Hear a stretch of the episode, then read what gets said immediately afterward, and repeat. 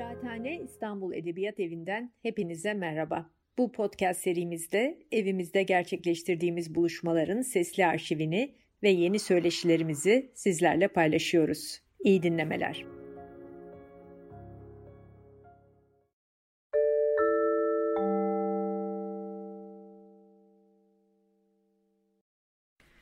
Merhaba, ben avukat Benan Molu. Ee, uzun yıllardır insan hakları hukuku alanında çalışıyorum. Ee, bugün de ifade özgürlüğü ve basın özgürlüğü bağlamında Türkiye'nin belki de en çok gündeminde olan e, hak ihlallerinden bahsedeceğiz. E, bunu yaparken de ağırlıklı olarak İnsan Hakları Mahkemesi'nin, Anayasa Mahkemesi'nin e, kararlarını, Bakanlar Komitesi önündeki e, süreçleri ve e, bu konuda uluslararası ve ulusal insan hakları kurumlarının e, raporlarını değerlendireceğiz. E, aslında herkesin az çok bildiği üzere e, ifade özgürlüğü anayasanın 26. ve basın özgürlüğü anayasanın 28. E, maddesinde ve insan hakları sözleşmesinin de Avrupa İnsan Hakları Sözleşmesi'nin de 10. maddesinde düzenlenen e, temel bir hak e, toplumun ilerlemesi ve her insanın gelişmesi için demokratik toplumların e, temeli özü olarak görülen haklardan e, bir tanesi ve sadece belirli koşullarda sınırlanabilen haklardan bir tanesi. E, ve e, buna rağmen işte bütün e, çoğulculuğun, hoşgörünün e, ve açık fikirliliğin gerekleri bağlamında bir demokratik toplumun olmazsa olmaz unsurlarından biri olmasına rağmen Türkiye'de de çok uzun yıllardan beri e, en çok ihlal edilen haklardan bir tanesi. Özellikle de 15 Temmuz darbe girişiminden sonra e, yayınlanan e, ulusal ve uluslararası kurumların açıklamalarına, raporlarına ve tavsiye kararlarına baktığımız zaman daha da fazla, daha da yoğun bir şekilde bu baskının arttığını ve ifade özgürlüğüne ve basın özgürlüğüne yönelik müdahalelerin giderek arttığını görüyoruz ve bu e, baskıların ve hak ihlallerinin bir sonucu olarak da çok fazla başvuru yapılıyor. Hem Anayasa Mahkemesi'ne hem İnsan Hakları Mahkemesi'ne.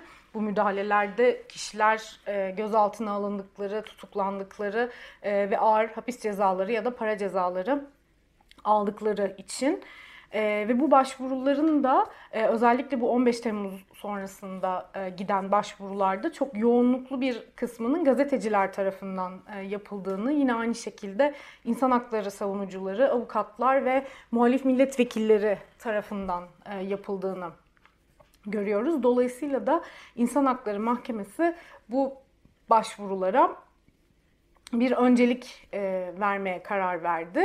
Bu bağlamda bir öncelik politikası değişikliğine gitti. Daha sonra da e, bu başvurular hakkında peyderpey kararlar açıklanmaya başladı.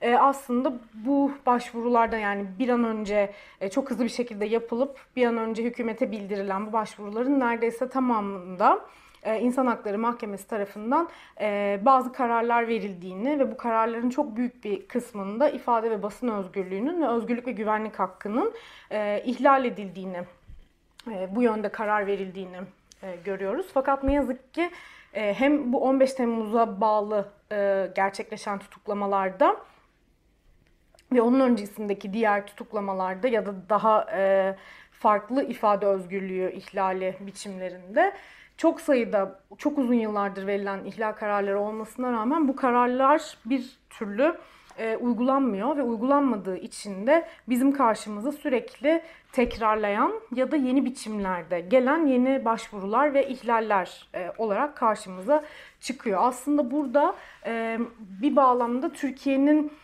genel bir problemi olduğu için bu kararlara e, uymama e, durumu bunu belirli bazı istatistiklerle desteklemek mümkün. Avrupa Konseyi'nin e, bir organı var Avrupa Konseyi Bakanlar Komitesi. Bakanlar Komitesi İnsan Hakları Mahkemesi'nin verdiği ihlal kararlarının uygulanıp uygulanmadığını, uygulandıysa da nasıl uygulandığını denetleyen e, bir makam. E, ve onlar her yıl belirli istatistikler yayınlıyorlar ve bu istatistiklere göre e, Türkiye bu kararları en fazla yerine getirmeyen ikinci Avrupa Konseyi üyesi ülke Rusya'dan sonra. Fakat şimdi Rusya Avrupa Konseyi üyeliğinden çıkartıldığı için e, artık Türkiye'nin bu konuda lider olduğunu söylemek mümkün. E, onun dışında bu kararların bu kadar uzun süre uygulanmaması tabii peşi sıra başka bir konuyu daha getiriyor. Bu aynı zamanda az önce de söylediğim gibi sürekli tekrarlayan yeni ihlaller e, doğurduğu için Türkiye aynı zamanda 1959 e, ve 2021 yılları e, arasında İnsan Hakları Mahkemesi'nin genel olarak bütün hak ve özgürlüklerle ilgili hakkında en fazla karar verdiği ve en fazla ihlal eden, ihlal kararı verdiği devlet konumunda. yani hem çıkan kararlar hem de çıkan ihlal kararları e, bağlamında. E, bir bu kadar da e, başvuru İnsan Hakları Mahkemesi'nin e, önünde bekliyor. Aynı zamanda en fazla da e, başvuru gönderen ve bu kararları e, kararlarla, başvurularla daha doğrusu e, İnsan Hakları Mahkemesi'nin e, gündeminde olan ülkelerden bir tanesi de Türkiye. Az önce de söylediğim gibi yani burada belki daha öncesinde de e, bu hak ihlallerinden bahsetmek mümkündü ama özellikle 15 Temmuz'u burada bir dönüm noktası e, olarak kabul edecek olursak aslında bu bu sırada meydana gelen hak ihlallerinin çok büyük bir kısmı ile ilgili yani özellikle tutukluluk dışında kalan hak ihlalleriyle ilgili de verilmiş henüz bir e, çok fazla e, karar söz konusu değil. Bunlar da eklenince bu istatistiğin daha da e, kabaracağını söylemek, tahmin etmek e, şimdiden mümkün. E, bu ihlaller neler olabilir? Biliyorsunuz ki çok sayıda e, gazete, dergi ve televizyon kapatıldı, haber ajansı kapatıldı. Onun dışında çok sayıda Türkiye'de hem Avrupa Konseyi tarafından hem e, uluslararası sivil toplum kuruluşları tarafından e, yapılan bir tespit var. Türkiye Avrupa'nın ve hatta dünyanın gazeteciler için en büyük açık cezaevi olarak tanımlanıyor. E, çok sayıda e, gazeteci var. Onun dışında e, bu tutukluluklar ya da hani birazdan daha detaylı bahsedeceğim yargı tacizinin dışında internete erişimle ilgili de çok ciddi bir sıkıntı var. Çok fazla haber içeriğinin yayından kaldırılması ya da internet sitesinin erişimine engellenmesi e, söz konusu. Çünkü bu konuda da e, en fazla erişim engelli e, internet sitelerine erişim engelleyen ülkelerden bir tanesi. Aynı zamanda o istatistiklere bakacak olursak Twitter'dan da ya da diğer sosyal medya platformlarından da belirli içeriklerin kaldırılmasını en çok isteyen devletlerden bir tanesi ve sürekli mesela başka konularda örneğin kadına yönelik şiddetle ilgili e, herhangi bir istatistik açıklanmazken kaç kadın öldürüldü, kaç kadın kaçırıldı, kaç kadının ölümü şüpheli ya da e, hangi tip şiddet biçimlerine maruz kalmışlar gibi aslında çok hayati olan bazı verilerle ilgili hiçbir istatistik paylaşılmazken düzenli olarak başka istatistiklerin paylaşıldığını yani örneğin her ay yayınlanan şu kadar kişi sosyal medya paylaşımları sebebiyle örgüt propagandasından yargılandı ya da gözaltına alındı, şu kadar siteye erişim engeli getirildi gibi istatistikler paylaşılarak aslında bir e, anlamda da belirli bir e, caydırıcılık ve korku e, oluşturulmaya e, çalışılıyor. Ama sadece bu e, gazetecilerle ya da e, sosyal medya kullanan kişilerle sınırlı değil. Aslında çok genel ve yaygın bir durum söz konusu. Avukatlar da buna dahil. Siyasi muhalifler de, milletvekilleri de dahil, barış için akademisyenler de olabilir, Boğaziçi Üniversitesi e, Üniversitesi öğrencileri de olabilir. Onun dışında e, yine birazdan bahsedeceğiz ifade özgürlüğünün başka bir e, özel görünüş biçimi olan başka bir hak, toplantı gösteri ve örgütlenme özgürlüğü. Bu bağlamda da artık ne zaman bir şeye karşı tepki göstermek isteseniz ve bunun için sokağa çıkacak olsanız, bir eylem yapacak olsanız e, bu eylemler sırasında da mutlaka e, bir engellemeyle karşı karşıya kalıyoruz. Bu bağlamda işte 8 Mart olabilir ya da LGBT eylemleri e, olabilir. E, burada da bu şekilde e, kendini sokakta ifade etmek isteyen kişilere herhangi bir kişiye e, karşı da e, belirli müdahaleler ile karşı karşıya kalıyor kişiler. Sivil toplum kuruluşları ve insan hakları savunucuları aynı şekilde çok yaygın bir e, müdahaleyle karşı karşıya kalıyorlar. Bu yüzden de aslında bütün bu e, hak ihlallerini ve müdahaleleri raporlayan uluslararası kuruluşlar bu Avrupa Konseyi İnsan Hakları Komiseri olabilir, AF Örgütü, İnsan Hakları İzleme Örgütü, e, İnsan Hakları Derneği, İnsan Hakları Vakfı gibi kurumlar, kuruluşlar olabilir. Bunlar Türkiye'de ifade ve basın özgürlüğüyle ilgili e, durumun gün geçtikçe daha vahim bir hal aldığını ve giderek kötüleştiğini e, gösteren e, özellikle de kişilerin muhalif görüşleri sebebiyle e, daha yoğun bir baskıya maruz kaldığını, ceza yasalarının e, ve genel olarak yargı sisteminin bu kişileri susturmak ve cezalandırmak amacıyla kötüye kullanıldığını söyleyen raporlar yayınlamaya başladılar ve sürekli de e, her raporlarında en son işte geçen hafta e, insan e, şey e, Af Örgütü 2021 yılı raporunu yayınladığında bunu tekrar vurguladı. E, muhaliflerin ağır bir şekilde yargı taciziyle karşı karşıya e, olduğunu e, söylüyorlar. Dolayısıyla da e, bunlar az önce söylediğim gibi ciddi bir başvuru olarak İnsan Hakları Mahkemesi'nin önüne gidiyor. Ve özellikle 10. maddeyle ilgili yani ifade özgürlüğüyle ilgili ve basın özgürlüğüyle ilgili başvurularda 2017 yılından bu yana aralıksız bir şekilde yani 2017, 18, 19, 20 ve 21 yıllarında Türkiye aralıksız bir şekilde bütün Avrupa Konseyi üyelerinin toplamından daha fazla ifade özgürlüğünü ihlal etmiş bu istatistiklere göre. Ve yine en toplama bakacak olursak 1959 yılından 2021 yılına kadar e, hakkında verilen toplamda 418 ihlal kararıyla da Avrupa Konseyi üyesi devletler içerisinde ifade özgürlüğünü e, en fazla ihlal eden devlet konumunda. Buradaki bu hak ihlalleri çok geniş. Dergilerin, kitapların toplatılmasından tutun futbolcuların ya da e, yargı mensuplarının ya da kamu görevlilerinin ifade özgürlüğünün kullanımına kadar gidiyor. İnternet sitelerine erişimin engellenmesinden cezaevinde internetin kullanılmasına kadar.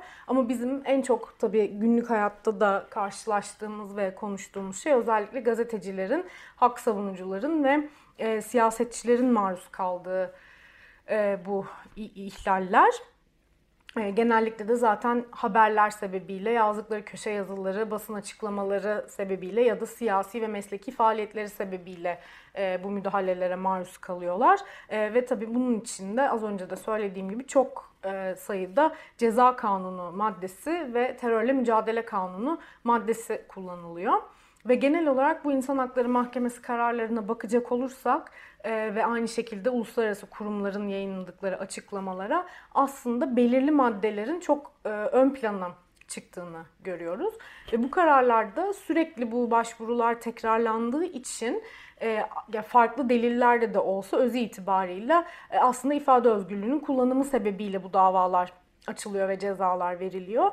E, ve mahkeme de burada bir değerlendirme yaparken ifade özgürlüğü, basın özgürlüğü ihlal edilmiş mi, edilmemiş mi diye e, üç tane konu bağlamında değerlendirme yapıyor. Bir tanesi size yönelik bu müdahalenin kanuni dayanağının olup olmadığı yönünden bakılan bir değerlendirme.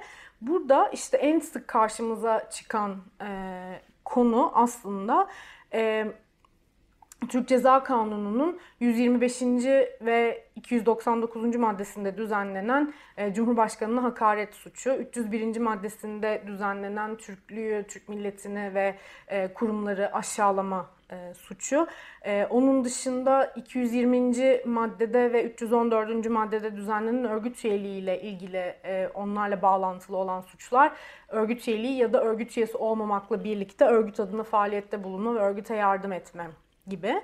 E, ve onun dışında da terörle mücadele kanunu bağlamında da en fazla karşımıza çıkan suç örgüt propagandası suçu.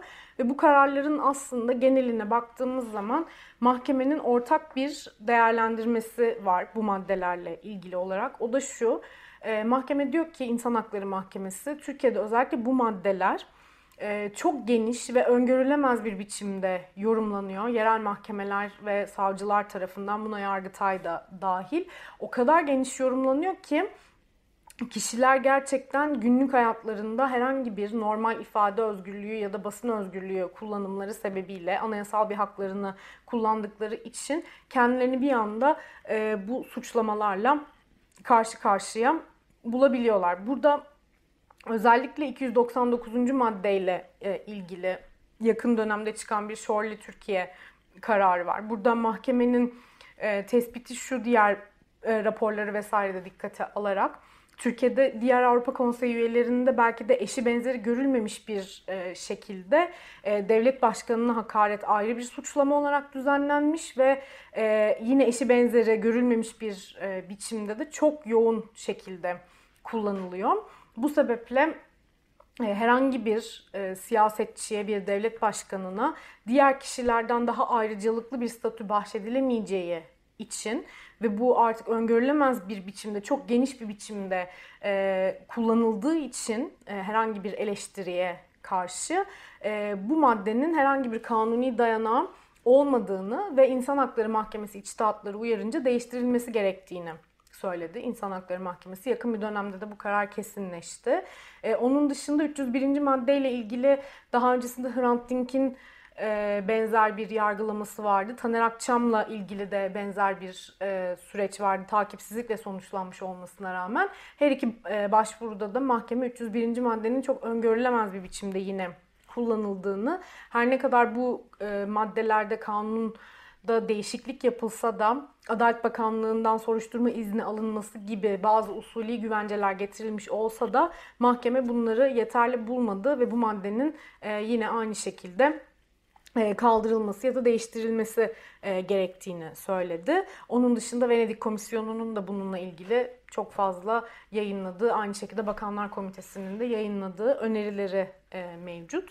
Bu örgüt üyeliğiyle ilgili olan suçlamada yine özellikle 15 Temmuz sonrası çok ciddi şekilde karşımıza çıkan suçlamalardan e, bir, bir, bir tanesi e, ve İnsan Hakları Mahkemesi ilk kez Selahattin Demirtaş'ın başvurusunda e, bunu söyledi. Türkiye'de 314. maddenin yani örgüt üyeliği suçunun e, Yargıtay'ın belirlediği e, kriterler bağlamında yerel mahkemeler tarafından çok geniş ve çok belirsiz bir şekilde e, yorumlandığını e, söyledi. Daha önce de benzer kararları vardı. Örgütle ilgili herhangi bir açıklamanın paylaşımın otomatik olarak üyelik kapsamında değerlendirildiği hatta herhangi bir eyleme katılmış olmanın dahi bu kapsamda değerlendirildiğini ve bunun artık herhangi bir hukuk güvenliği sağlamadığı şeklinde değerlendirmeleri vardı. Dolayısıyla aslında e, bu maddeler bağlamında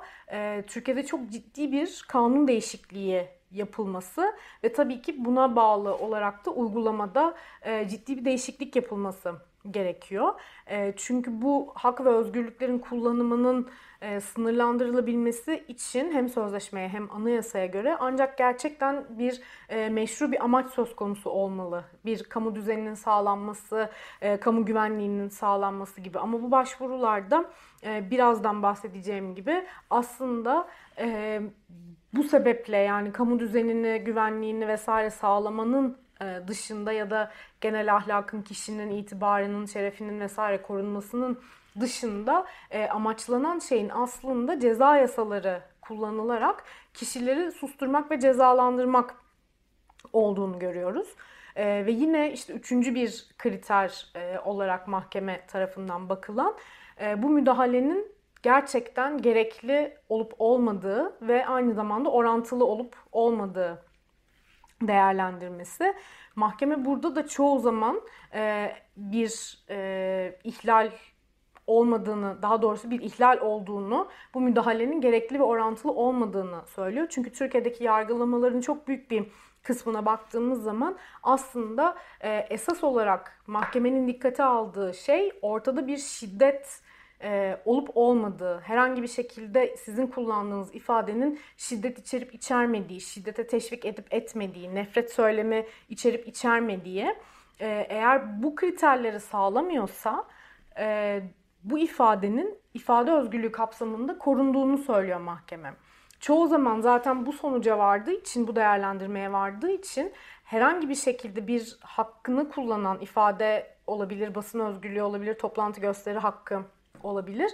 Bu hak ve özgürlüklerini kullanan kişilerin e, yazdıkları köşe yazıları, haberler, katıldıkları basın açıklamaları ya da yine mesleki ve siyasi faaliyetleri sebebiyle yaptıkları açıklamalar, oturma eylemleri, attıkları tweetler ya da Facebook'taki paylaşımları gibi e, paylaşımları sebebiyle içerik tamamen ve bir bütün olarak bağlamına bakılmadan şiddet içeriyor mu içermiyor mu gibi bir değerlendirme yapılmadan otomatik olarak bu yasa maddeleri kullanılarak bir sonuca varıldığı için mahkeme bunların aslında ilk etapta herhangi bir şekilde bir müdahaleyi gerektirmediğini e, karara bağlıyor çoğu zaman ve diyor ki aslında kişiler bir hak ve özgürlük kullanımı sebebiyle en başında hiç yakalanmamalı, gözaltına alınmamalı, tutuklanmamalı ve hapis cezası almamalıydı diyor. Burada aslında bir diğer bakılan kriter işte orantılı olup olmamakla ilgili e, olarak.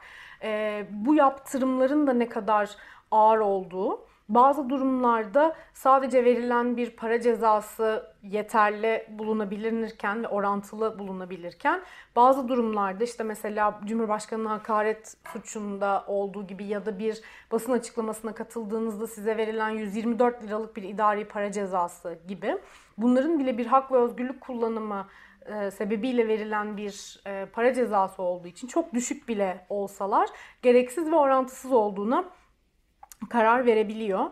E, ama bizde çok uzun yıllar bu kişiler tutuklu kaldığı ve üstüne bir de ağır hapis cezalarıyla cezalandırdık, cezalandırıldıkları için ve buna bağlı olarak bazı durumlarda avukatlık yapmaktan, bazı durumlarda milletvekili adayı olmaktan, bazı durumlarda işte doktor olmaktan vesaire yani mesleklerini de etkileyebilecek bir yasakla da karşı karşıya kal- kalma ihtimalleri olduğu için ya da bazen direkt aldıkları hapis cezası sebebiyle cezaevinde oy kullanma haklarının ellerinden alınması gibi başka ek yaptırımlarla da karşı karşıya kalmalarını da değerlendirip bu bağlamda bir caydırıcılık ve orantılılık e, değerlendirmesi yapıyor.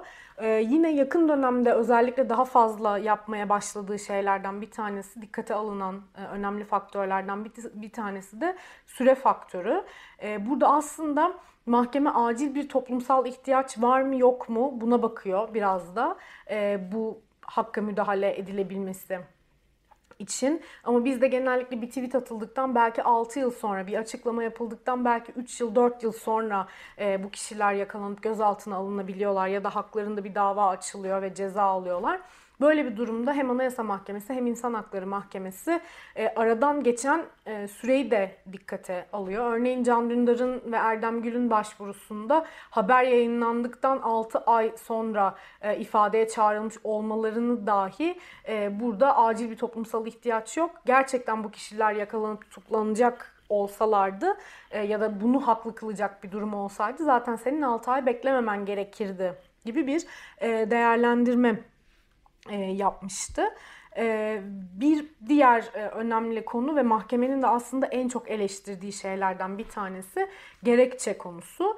E, baktığımız zaman bizim bu yerel mahkeme kararlarına e, çok büyük bir kısmında işte belirli kanun maddelerini tekrarlamak ya da işte içtihadın belirli yerlerine e, basma kalıp şekilde değinmek dışında, atıfta bulunmak dışında herhangi bir somut gerekçe bulunmadığını görüyoruz ve İnsan Hakları Mahkemesi de zaten bu bağlamda Türkiye'yi çok fazla eleştiriyor. Özellikle e, bu kararların hiçbir somut gerekçe, dayanak içermemesi sebebiyle. Yani kişi örgüt üyeliğiyle ya da hakaretle ya da e, işte aşağılamakla, halkı kim ve düşmanlığa tahrik etmekle suçlanıyor. Ama kullanılan ifadeyle ya da yapılan eylemle e, bu fiil arasında bir e, illiyet olup olmadığı, bunun gerçekten e, bu sonuçları doğurabilecek e, eylemler ya da ifadeler olup olmadığı kişi, zaman, yer ve bütün bağlam bakımından dikkate alınmadığı için, bu bağlamda değerlendirilmediği için kararların çok büyük bir kısmının aynı zamanda gerekçeden yoksun olduğu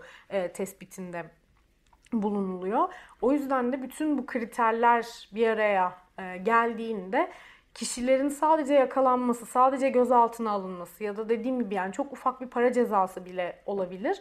Bu şekilde herhangi bir yaptırıma maruz kalması mahkeme için sadece o kişi özelinde bir sonuç doğurmaktan e, öte bir anlama yol açıyor. Aynı zamanda e, özellikle belirli şekilde e, eleştiride bulunmak isteyen ya da görüşünü ifade etmek isteyen diğer herkes üzerinde bir caydırıcılık yarattığını söylüyor mahkeme. Ve burada aslında yakın dönemde daha da sık tekrarlanan içtihatlardan bir tanesi. Mahkemenin görüşü şu, siz belki sonunda beraat edeceksiniz ama çok uzun yıllar boyunca ha ceza aldım ha alacağım tehdidi altında beklerken e, ve hakkınızda başka diğer çok sayıda soruşturma ve kovuşturma açılırken bunun sizin üzerinizde yaratacağı sansür, e, otosansür etkisini de e, dikkate e, alarak e, burada açılan diğer davaları da e, sizinle ilgili diğer soruşturma ve kovuşturmaları da e, değerlendiriyor. E, dolayısıyla e, mağduriyetin giderek arttığını ve bunun aynı zamanda otosansüre de yol açan bir etki doğuracağını söylüyor. Ee, onun dışında da e, yine aynı şekilde bir bütün bunların bir yargı tacizi e, olduğu değerlendirmesini çok sık e, özellikle son dönemlerde e, rastlıyoruz mahkeme kararlarında. Bu kararların çok büyük bir e, kısmı e, Avrupa Konseyi Bakanlar Komitesi önünde de uygulanmayı e, bekliyor çok uzun süredir e, yerine getirildi mi getirilmedi mi diye. Genel olarak hükümetin sunduğu argümanlara baktığımız zaman hükümet burada hep e, biz belirli eylem planları, yargı reformları e, oluşturduk, paketler çıkarttık, yargı paketleri ve bu kanun maddelerinde çeşitli de, e, değişiklikler yaptık. Hakim savcılara da bu konuda e, eğitim veriyoruz, avukatlara da eğitimler veriyoruz. Dolayısıyla aslında biz bu kararları çevirerek ve e, gerekli mercilerle paylaşarak, yasal düzenlemeleri yaparak, eğitimler vererek aslında bu kararların uygulanmasını sağlamaya çalışıyoruz diyor. E, ama e, 2020'de e, Bakanlar Komitesi bu az önce saydığım dava gruplarıyla ilgili bir e, ara karar aldı. En son bu Mart ayında da e, 8-10 Mart 2022 e, tarihinde de yapılan en son toplantıda da bu gündeme alındı ve varılan sonuç şu oldu. Aslında Bakanlar Komitesi diyor ki bu başvurular çok uzun yıllardan beri e, Türkiye aleyhine çıkıyor. Belki de 20 yılı aşkın bir süredir de bizim önümüzde bekliyor. Fakat buna rağmen herhangi bir somut adım atılmıyor bu şeylerle, bu kararların uygulanması, yerine getirilmesi için. Özellikle e, gazetecilere karşı başlatılan e, bu tutuklama e, furyasıyla ilgili e, olarak e, sürekli bir istatistik isteniyor. Kaç gazetecinin tutuklandığı, hangi suçlara dayanılarak, hangi delillere dayanılarak tutuklandıklarına dair ama hiçbir zaman net bir istatistik e, paylaşılmıyor. Ya da Anayasa Mahkemesi'nin de aralarında olduğu bu yüksek yargının e, verdiği e, kararlarla ilgili istatistikler e, isteniyor. Bunlar da sunulmuyor. Kaç kişiye hangi şekilde, e, hangi sebeplerle dava açıldı, ne kadar ceza verildi, kaçı ertelendi, kaçında hükmün açıklanması geri bırakıldı, para cezasına çevrildi gibi. Ee, onun dışında yetkililerin özellikle üst düzey devlet görevlilerinin ifade özgürlüğünün korunması için e, siyasi e, mesajlar vermekten kaçındığı söyleniyor ve Venedik Komisyonu'nun, Bakanlar Komitesi'nin, diğer uluslararası hak örgütlerinin çeşitli kanun maddelerinde bu az önce saydığım Cumhurbaşkanı'na hakaret gibi, e, Türklüğü aşağılama gibi, e, örgüt üyeliği, örgüt propagandası gibi, örgüt adına hareket etme gibi artık çok kalıplaşmış ve en sık kullanılan kanun maddelerinde çok uzun yıllardır yapılan ya değiştirilsin ya tamamen kaldırılsın önerilerinin e, tamamen göz ardı edildiği ve aslında tırnak içinde e, makyaj görünümlü e, yani belirli somuta somut özüne etki etmeyecek bazı değişiklikler e, yapılarak burada bir değişiklik yapıldığı e, söyleniyor. O yüzden Burada özellikle bu kanun maddelerinin gerçekten İnsan Hakları Mahkemesi içtihadıyla uyumlu bir şekilde değiştirilmesi ya da kaldırılması için e, üst üste çağrılarda e, bulunuluyor. Ancak e, ne yazık ki henüz buna karşı elde edilmiş bir kazanım söz konusu değil. Yine aynı şekilde benzer bir durum e, ifade özgürlüğünün farklı bir görünümü olan toplantı gösteriyle ilgili de e, geçerli. Burada da aslında sadece tweet atarak ya da e, yazı yazarak değil aynı zamanda sokağa çıkarak da e, ya da eylem yaparak da bir e, ifade beyanında bulunmak isteyen, eleştiride bulunmak isteyen, tepki göstermek isteyen kişilerle ilgili de benzer bir e, süreç işliyor. Türkiye bu bağlamda 111 ihlal kararıyla toplamda e, Avrupa Konseyi'nde ifa, e, toplantı gösteri özgürlüğünü en fazla ihlal eden ülke konumunda. Aslında bu iki hak ve özgürlük birbiriyle çok bağlantılı ve iç içe olduğu için e, çıkan sayının e, büyüklüğü de sorunun ne kadar büyük olduğunu aslında ortaya koymak, koymak için e, önemli bir veri. Burada da çok çeşitli e, hak ihlalleri söz konusu.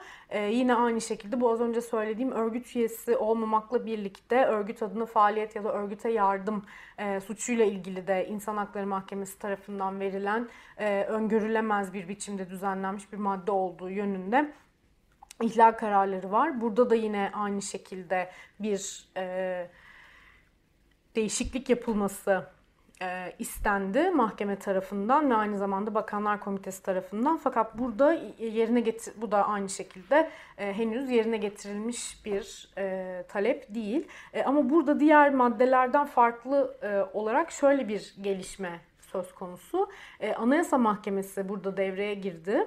E, Türk Ceza Kanunu 220. 20. maddesinin 6. fıkrası bağlamında yani örgüte üye olmamakla birlikte örgüt adına faaliyet yürütme e, maddesiyle ilgili bir siyasi parti e, önünde düzenlenen bir toplantıya katıldığı için kişiye 226'dan e, 3 yıl 9 ay hapis cezası verilmesiyle ilgili bir başvuruda Hamit Yakut başvurusunda bu başvuruyu pilot karar e, olarak seçti e, ve burada özellikle örgüt adına suç ifadesinin çok belirsiz ve öngörülemez e, olduğuna karar verip e, maddenin lafzının e, kanun ile öngörülme şartını taşımadığına karar verdi. Bu sebeple de topu meclise attı. Dedi ki meclis bu maddeyi değiştirmeli.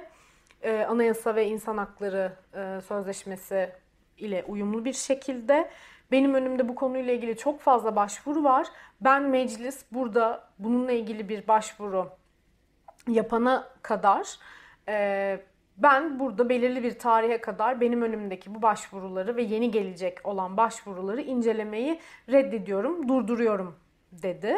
Ee, aslında bunu sadece Hamit Yakut başvurusunda değil internete erişimle ilgili e, erişim engellemeleriyle ilgili daha öncesinde verilen pilot karar uygulamasında da e, yapmıştı. Burada aslında Anayasa Mahkemesi e, topu meclise atıp e, uzun bir süre bu başvuruları incelemeyerek önüne gelen başvuruları başvurularda da hani hem önceki başvurularda hem önüne gelen yeni başvurularda da uzun bir e, süre daha hareketsiz kalmayı seçerek aslında e, burada ne yazık ki e, bir ihlal kararı verilmesini, bu kişilerin belki yeniden yargılanmasını e, ve bir tazminat ödenmesini bu kişilere geciktiriyor ve geciktirdiği gibi de başvuruların birikmesine yol açıyor. Aslında belki burada bir an önce önündeki bütün başvurularda otomatik bir ihlal kararı verse ve bu kişilerin bir an önce yargılanmasını ve e, meclisin bir an önce o yasal değişikliği yapmasını sağlamak için bir çağrıda bulunsa aslında herkes açısından daha e, iyi bir durum e, olabilir. Ama e, burada Anayasa Mahkemesi'nin yani sadece bu e, şey süreciyle ilgili değil. Bu pilot başvuru usulüyle ilgili değil. E, genel olarak çok ciddi bir e, rolünün ve sorumluluğunun olduğunu görüyoruz. Çünkü genel olarak özellikle e, muhaliflere e, yönelik açılan bu davalarla ilgili giden başvurularda e, Anayasa Mahkemesi'nin e, İnsan Hakları Mahkemesi ile olan e, içtihadı arasında çok ciddi bir e, farklılık olmaya başladı ve çok ciddi bir bu içtihatlarda e, makasın açıldığını görüyoruz ciddi bir şekilde. Çünkü İnsan Hakları Mahkemesi'nin e, delil olamaz, bu delillere dayanılarak kimse gözaltına alınamaz, tutuklanamaz dediği delillerle ilgili olarak Anayasa Mahkemesi ya bu başvuruları kabul edilemez buldu ya da hayır burada ihlal yoktur dedi. Çok çok az bir e, başvuruda ihlal kararı verdi ama şu anda belki bu konuyla ilgili 30'dan fazla başvuruda Anayasa Mahkemesi'nin kabul edilemez bulduğu ya da ihlal bulmadığı başvurularda İnsan Hakları Mahkemesi'nin çok ağır ihlal kararları verdiğini ve Anayasa Mahkemesi'nin dediğim gibi hani bir sorun görmediği konularda bu delillerle hiç kimse tutuklanamaz diye e, çok ciddi şekilde verdiği ihlal kararları söz konusu. Ama bu sadece açılan içtihat farkından ibaret bir konu değil. Anayasa Mahkemesi aynı zamanda bu başvuruları belirli bir e, öncelik vermeden çok uzun bir e, süre ve neye göre değerlendirdiği de belirli olmayan, çok da şeffaf olmayan bir e, süreçle inceledi ya da incelemeye devam ediyor. Onun dışında kararlara bakıldığında birazdan e, detaylı olarak e, bahsedeceğim. E, bu başvurularda esas olarak şikayetlerden bir tanesi Ali Bulaç'ın ve Nazlı Ilıcan başvuruları dışında neredeyse giden bütün gazeteci başvurularında ya da hak savunucularında ve milletvekilleri başvurularında ileri sürülen ifade özgürlüğünün ya da özgürlük ve güvenlik hakkının dışında başka bir iddia daha var. Bu kişiler gerçekten muhalif oldukları için susturulmak ve cezalandırılmak amacıyla tutuklandıklarını ve başlarına bu müdahalelerin geldiğini ileri sürüyorlar. Yani İnsan Hakları Sözleşmesi'nin 18. maddesi altında düzenlenen bir anlamda siyasi sebeplerle e, ifade özgürlüklerine ve kişi özgürlüklerine bir müdahale olduğunu iddia ediyorlar. E, ve bu başvurularda başvuruların hiçbirisinde Anayasa Mahkemesi bu yönden bir değerlendirme yapmadı. Ya hiçbir bu şekilde bir iddiada bulunulmamış gibi yaptı. Hiçbir şekilde bir değerlendirmeye girmedi ya da ayrıca değerlendirilmesine gerek olmadığına karar verdi. Dolayısıyla 18. madde incelemesi Anayasa Mahkemesi'nin denetiminin tamamen dışında bırakıldı ki bu aslında e, Türkiye'deki yargı bağımsızlığıyla ilgili bir e, doğrudan ilişkili bir sorunun da Anayasa Mahkemesi tarafından ısrarla denetlenmekten e, kaçınıldığını e, gösteren konulardan bir tanesi. Bir diğer konuda bu kararların uygulanmamasıyla ilgili e, olarak e, İnsan Hakları Mahkemesi tarafından bir ihlal kararı verildiğinde e, bu çoğu zaman eskiden e, uygulanırdı. Fakat artık birazdan işte bu 18. maddeyle de bağlantılı olarak konuşacağımız gibi işte Demirtaş'ın ve Osman Kavala'nın başvurularında verilen bu ihlal kararlarının yerine getirilmemesiyle başlayan kararların icrası e, ve tabii ki hukukun üstünlüğü krizinde e, baktığımız zaman bu kararların yerine getirilmemesiyle ilgili e, yapılan Anayasa Mahkemesi başvurularında da Anayasa Mahkemesi'nin hareketsiz kaldığı ya da mahkeme e, kararların uygulanmamasıyla e, ilgili daha farklı yönde kararlar verdiğini görüyoruz kendi kararları uygulanmadığında yani Can Dündar'la ilgili, Erdem Gül'le ilgili ya da Şahin Alpay'la ilgili verdiği kararlar uygulanmadığında Anayasa Mahkemesi çok haklı bir şekilde direkt hukuk devleti ilkesini hatırlatarak bir e, değerlendirme yapıyor ve bir karar veriyor. Bu e, adil yargılanma hakkını ya da işte mevcut ihlal edilen e, hakkı ihlal etmektedir e, şeklinde. E, fakat İnsan Hakları Mahkemesi kararları yerine getirilmediğinde e, tam tersi yönde karar verebiliyor. Mesela ilk defa Yıldırım Turan e, kararında e, ahim kararları elbette bağlayıcıdır ama bazı durumlarda İnsan Hakları Mahkemesi'nden e, daha iyi bilir yerel mahkemeler e, durumu, delilleri nasıl değerlendireceğini dedi ve bir e, bu kararında ilk kez açıkça bazı durumlarda İnsan Hakları Mahkemesi kararlarının yerine getirilmeyebileceğini söyledi. Bu hatta direkt İnsan Hakları Mahkemesi'nin e, başkanı tarafından da e, açıkça eleştirilen bir e, karar oldu. Sonrasında Osman Kavala'nın ikinci tutukluluğuyla ilgili başvuruda herhangi bir e, ihlal kararı bulunmadı. Demirtaş'ın ikinci tutukluluğuyla ilgili başvuruda da verilmiş henüz bir e, karar yok. Dolayısıyla aslında e, bu sistemi e, ne yazık ki besleyen ve devam ettiren bir e, noktada duruyor Anayasa Mahkemesi.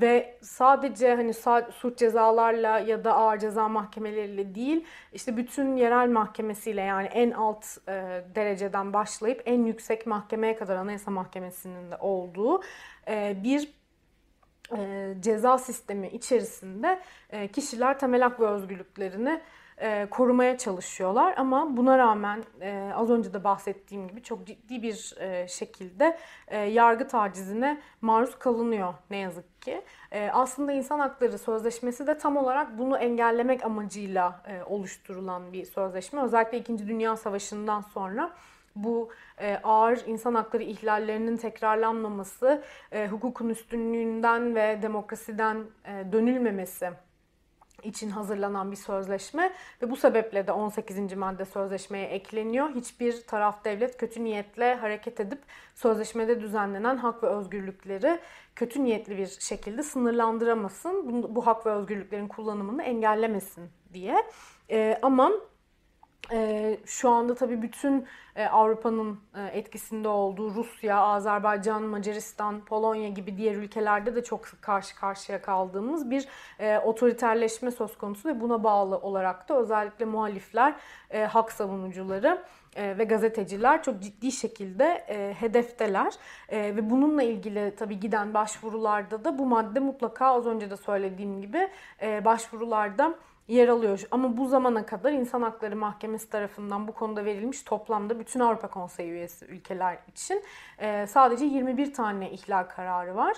Ve e, Ali Bulaç ve e, Nazlı Ilıcak dışında az önce de söylediğim gibi şimdiye kadar özellikle 2015 sonrası tutukluluklarla ilgili Türkiye'den giden başvurularda bu maddenin neredeyse tamamında bu e, başvurularda bu madde ileri sürülmüş olmasına rağmen e, sadece iki tane kararda 18. madde ihlaline hükmedildi ve gazetecilerle ilgili bu zamana kadar verilen hiçbir başvuruda e, yapılan başvurularda verilen hiçbir kararda bu maddeden bir ihlali hükmedilmedi. Bu hatta bazı insan hakları mahkemesi yargıçları tarafından da çok ağır eleştirildi. Yani Ahmet Şık'ın dahi e, belki Türkiye'de gerçekten en çok yargı tacizine maruz kalan gazetecilerden birisi olabilir. Onun bile başvurusunda bunun insan hakları mahkemesi tarafından da değerlendirilmemiş olması çok ağır e, bir şekilde eleştirildi herkes tarafından. E, ama şimdilik verilmeyen, daha doğrusu verilen sadece iki tane ihlal kararı var bu bağlamda. Bir tanesi Osman Kavala'nın, bir tanesi de Selahattin Demirtaş'ın başvurusu. Bu her iki başvuruda da mahkeme temel hak ve özgürlüklerin kullanımı sebebiyle kişilerin e, özellikle üst düzey devlet görevlilerinin yaptığı açıklamalarla paralel e, olarak e, ceza davaları açıldığını ve e, tutuklandıklarını tespit etti. Burada aslında bu tespit bütün yargı sistemini ve e, neden bu kadar çok ifade özgürlüğü ihlali var, neden bu kadar çok uygulanmayan karar var bunu da e, ortaya koyan bir tespit. Özellikle siyasi iklimin yargı üzerinde bir etki doğurduğunu ve bu kararların bu sebeple böyle alındığını ya da alınmadığını tespit etti İnsan Hakları Mahkemesi bu kararla birlikte. Dolayısıyla en başından başlayarak yani bütün yargı sisteminin ama aynı zamanda siyasi iradenin temel hak ve özgürlükleri koruyacak, demokrasi ve hukukun üstünlüğünü üstün kılacak bir anlayış sergilemesi ve bu yaklaşımda köklü bir değişikliğe gidilmesi gerekiyor. Bu ihlallerin ortadan kalkabilmesi için e, bu köklü değişiklik olmadan özellikle yargı bağımsızlığı e, sağlanmadan bu ihlallerin e, ortadan kalkması da ne yazık ki çok mümkün gözükmüyor. Hmm, umarız bir an önce e, bu yargı bağımsızlığı başta olmak üzere e, bütün bu köklü değişiklikler e, gerçekten yapılır ve ifade özgürlüğüyle ilgili ve diğer hak ve özgürlüklere yönelik diğer müdahalelerle ilgili sadece geçmişte de şöyle oluyordu diye anacağımız, bahsedeceğimiz günler yakında gelir.